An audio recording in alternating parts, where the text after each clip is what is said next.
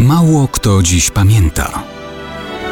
Datownik historyczny prezentuje Maciej Korkuć.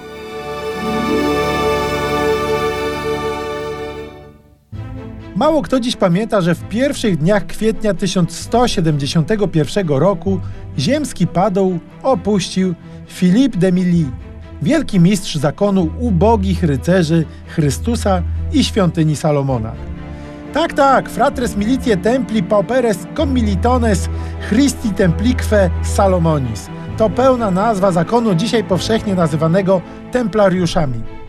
Ród Filipa de Milly wywodził się z Pikardii, niezbyt urodziwego regionu w północno-zachodnich obszarach Francji.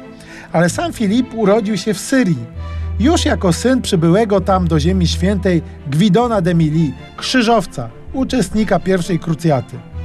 Tak więc Królestwo Jerozolimskie było właściwie całym jego światem. Był najstarszym z trzech braci. Filip wrzenił się w ród dziedziczący za Jordanię, potem władał Nablusem. Zaraz, zaraz, jak to wrzenił się?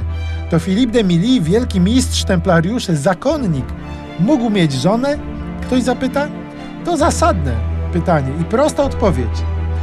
Mógł, bo działo się to jeszcze przed wstąpieniem Filipa do zakonu rycerskiego. Jeszcze przed tym, zanim został wielkim mistrzem. Tak więc Filip miał i żonę Izabelę, i trójkę dzieci. Syna Reniera, który nie dożył dorosłości, oraz dwie córki. Ellen i Stefanii. Jako baron Filip był częścią najbardziej wpływowych elit stworzonego przez krzyżowców owego Królestwa Jerozolimskiego. Uczestniczył też w ważnych wydarzeniach i wojnach tegoż królestwa. Król Amalryk I uważał go za swojego zaufanego doradcę i powiernika. Kiedy Filip de Milly owdowiał, a jego córki dorosły, mógł bez przeszkód oddać się życiu zakonnemu jako rycerz templariusz. Król szybko doprowadził do jego wyboru na wielkiego mistrza. Powody, dla których z tej funkcji Filip zrezygnował po dwóch latach, do dzisiaj są tajemnicą.